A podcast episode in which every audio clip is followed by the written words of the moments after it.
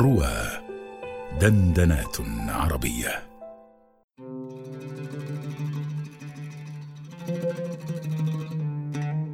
كلنا نخرج من الدنيا بحظوظ متقاربة برغم ما يبدو في الظاهر من بعد الفوارق. وبرغم غنى الأغنياء وفقر الفقراء فمحصولهم النهائي من السعادة والشقاء الدنيوي متقارب. فالله يأخذ بقدر ما يعطي ويعوض بقدر ما يحرم وييسر بقدر ما يعسر. ولو دخل كل منا قلب الآخر لأشفق عليه ولرأى عدل الموازين الباطنية برغم اختلال الموازين الظاهرية. ولما شعر بحسد ولا بحقد ولا بزهو ولا بغرور. إنما هذه القصور والجواهر والحلي واللآلئ مجرد ديكور خارجي من ورق اللعب.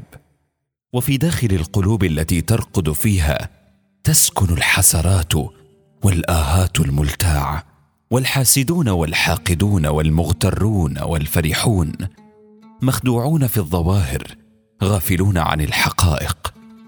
ولو أدرك السارق هذا الإدراك لما سرق ولو أدركه القاتل لما قتل ولو عرفه الكذاب لما كذب ولو علمناه حق العلم لطلبنا الدنيا بعزة الأنفس ولسعينا في العيش بالضمير ولتعاشرنا بالفضيلة فلا غالب في الدنيا ولا مغلوب في الحقيقة. والحظوظ كما قلنا متقاربة في باطن الأمر ومحصولنا من الشقاء والسعادة متقارب برغم الفوارق الظاهرة بين الطبقات. فالعذاب ليس له طبقة وإنما هو قاسم مشترك بين الكل. يتجرع منه كل واحد كاسا وافية. ثم في النهاية تتساوى الكؤوس برغم اختلاف المناظر وتباين الدرجات والهيئات. وليس اختلاف نفوسنا هو اختلاف سعادة وشقاء وإنما اختلاف مواقف. فهناك نفس تعلو على شقائها وتتجاوزه وترى فيه الحكمة والعبرة وتلك نفوس مستنيرة. ترى العدل والجمال في كل شيء وتحب الخالق في كل أفعاله. وهناك نفوس تمضغ شقاءها وتجدره وتحوله إلى حقد أسود وحسد أكال. وتلك هي النفوس المظلمة الكافرة بخالقها المتمردة على أفعاله. وكل نفس تمهد بموقفها لمصيرها النهائي في العالم الآخر حيث يكون الشقاء الحقيقي أو السعادة الحقيقية فأهل الرضا إلى النعيم وأهل الحقد إلى الجحيم.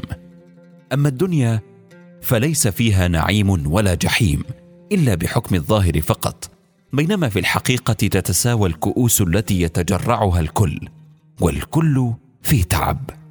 إنما الدنيا امتحان لإبراز المواقف فما اختلفت النفوس إلا بمواقفها وما تفاضلت إلا بمواقفها وليس بالشقاء والنعيم اختلفت ولا بالحظوظ المتفاوتة تفاضلت ولا بما يبدو على الوجوه من ضحك وبكاء تنوعت. فذلك هو المسرح الظاهر الخادع وتلك هي لبسة الديكور والثياب التنكرية التي يرتديها الأبطال حيث يبدو أحدنا ملكا والآخر صعلوكا وحيث يتفاوت أمامنا المتخم والمحروم. أما وراء الكواليس أما على مسرح القلوب أما في كوامن الأسرار وعلى مسرح الحق والحقيقة فلا يوجد ظالم ولا مظلوم ولا متخم ولا محروم وإنما عدل مطلق واستحقاق نزيه يجري على سنن ثابتة لا تتخلف حيث يمد الله يد السلوى الخفية يحنو بها على المحروم. وينير بها ضمائر العميان ويلاطف أهل المسكنة ويؤنس الأيتام والمتوحدين في الخلوات ويعوض الصابرين حلاوة في قلوبهم. ثم يميل بيد القبض والخفض فيطمس على بصائر المترفين ويوهن قلوب المتخمين ويؤرق عيون الظالمين ويرهل أبدان المسرفين. وتلك هي الرياح الخفية المنذرة التي تهب من الجحيم والنسمات المبشرة التي تأتي من الجنة والمقدمات التي تسبق اليوم الموعود يوم تنكشف الأستار وتهتك الحجب وتفترق المصائر إلى شقاء حق وإلى نعيم حق يوم لا تنفع معذرة ولا تجدي تذكرة وأهل الحكمة في راحة.